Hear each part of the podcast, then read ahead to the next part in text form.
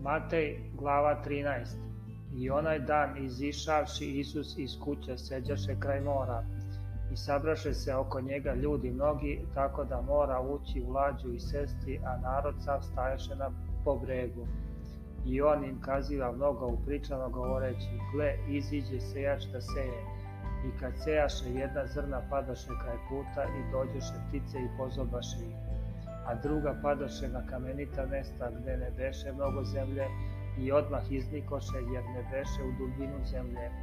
I kad obasja sunce povenuše i budući da nema žila posaknuše, a druga padoše u trnje i naraste trnje i podavi a druga padoše na zemlju dobru i donošahu rod sto, jedno po šestdeset, a jedno po trideset.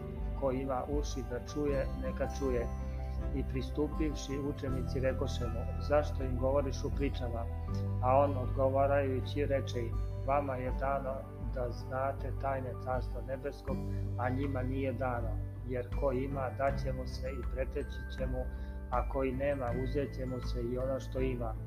Zato im govorim u pričama, jer gledajući ne vide i čujući ne čuju niti razumeju. Izbiva se na njima proroštvo Isaijino, koje govori ušima ćete čuti i nećete razumeti i očima ćete gledati i nećete videti. Jer je odrvenilo srce ovih ljudi i ušima teško čuju i oči su svoje zatvorili da kako ne vide očima i ušima ne čuju i srcem ne razumeju i ne obrate se da ih iscelim. A blago vašim očima što vide i ušima vašim što čuju jer vam kažem zaista da su mnogi proroci i pravednici želeli videti šta vi vidite i ne videše i čuti šta vi čujete i ne čuše. Vi pak čujte priču o sejaču. Svakome koji sluša reč o carstvu i ne razume, dolazi nečastivi i krade posejano srcu njegovom, to je oko puta posejano, a na kamenu posejano to je koji sluša reč i odmah s radosti primije ali nema korena u sebi, nego je nepostojan, pa kad bude do nevolje ili ga poteraju reči radi, odmah udari natrag. A posejano u trnju to je koji sluša reč, no briga ovog sveta i prevara bogatstva zaguše reč i bez roda ostane.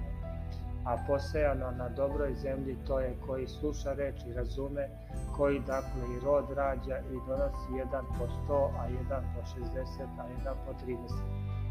Drugi priču kaza im govoreći, carstvo nebesko kao čovek koji poseja dobro seme u polju svom. A kad ljudi pospaše, dođe njegov neprijatelj i poseja kukolj po pšenici pa otide. A kad tiče usevi rod donese, onda se pokaza kukolj. Tada dođeš i sluge domaćinova i rekoše mu, gospodaru, nisi li ti dobro seme sejao na svojoj njivi, otkuda dakle kukolj? A on reče, neprijatelj, čovek to učini, a sluge rekoše mu, hoćeš li dakle da idemo da ga počupavamo? A on reče, ne, da ne bi čupajući kukolj počupali zajedno s njime pšenicu. Ostavite neka raste oboje zajedno do žetve, a u vreme žetve reći ću žeteocima. Saberite najpre kukolj i svežite ga u snoplje da ga sažežem, a pšenicu svezite u žitnicu moju.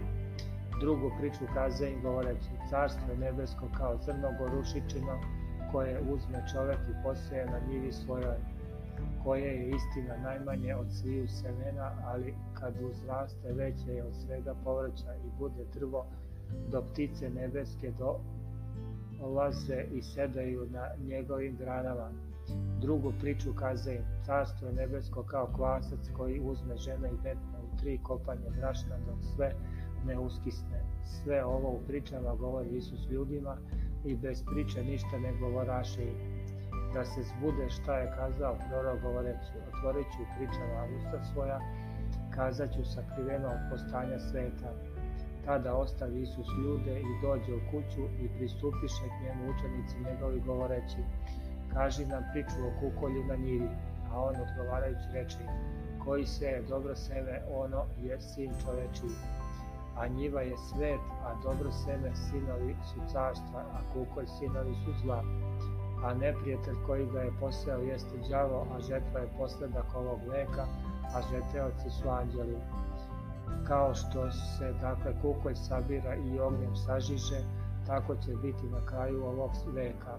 Poslaće sin čoveči anđele svoje i sabraće iz, iz carstva njegovog sve sablazni i koji ih čine bezakonje. I bacit će ih u peć ognjenu, onda će biti plač i škrgut zuba. Tada će pravednici zasjati kao sunce u carstvu Oca svog, koji ima uši da čuje, neka čuje. Još je carstvo nebesko kao blago sakriveno u polju, koje našavši čovjek sakri i od radosti zato otide i sve što ima prodade i kupi polje ono. Još je carstvo nebesko kao čovjek trgovac koji traži dobar biser, pa kad nađe jedno mnogoceno zrno bisera otide i prodade sve što imaše i kupi ga. Još je carstvo nebesko kao mreža koja se baci u more i zagrabi od svake ribe, ruke ribe, koja kad se napuni i svukoše je na kraj i sedaši izdraše dobre u sudove, a zle baciše napolje. Tako će biti na poletku veka i zići će anđeli i odlučit će zle od pravednih i bacit će ih u peć ognjenu, onda će biti mač, plač i škrgut e, zuba. Reče im Isus, razumeste li ovo? Rekoše mu, da, gospode. A on im reče, zato je svaki književnik koji se naučio carstvu nebeskom kao domaćin, koji iznosi i skleti svoje novo i staro. I kad svrši Isus priče, ove otide odande i došavši na postobinu svoju učaše ih po zbornicama tako da mu se divljahu i govora, otkud drugome premudrost i moći. Nije li ovo drvodelji sin, ne zove li se mati njegova Marija i braća njegova Jakov i Josija i Simon i Juda? I sestre njegove nisu li sve kod nas, otkud njemu ovo sve?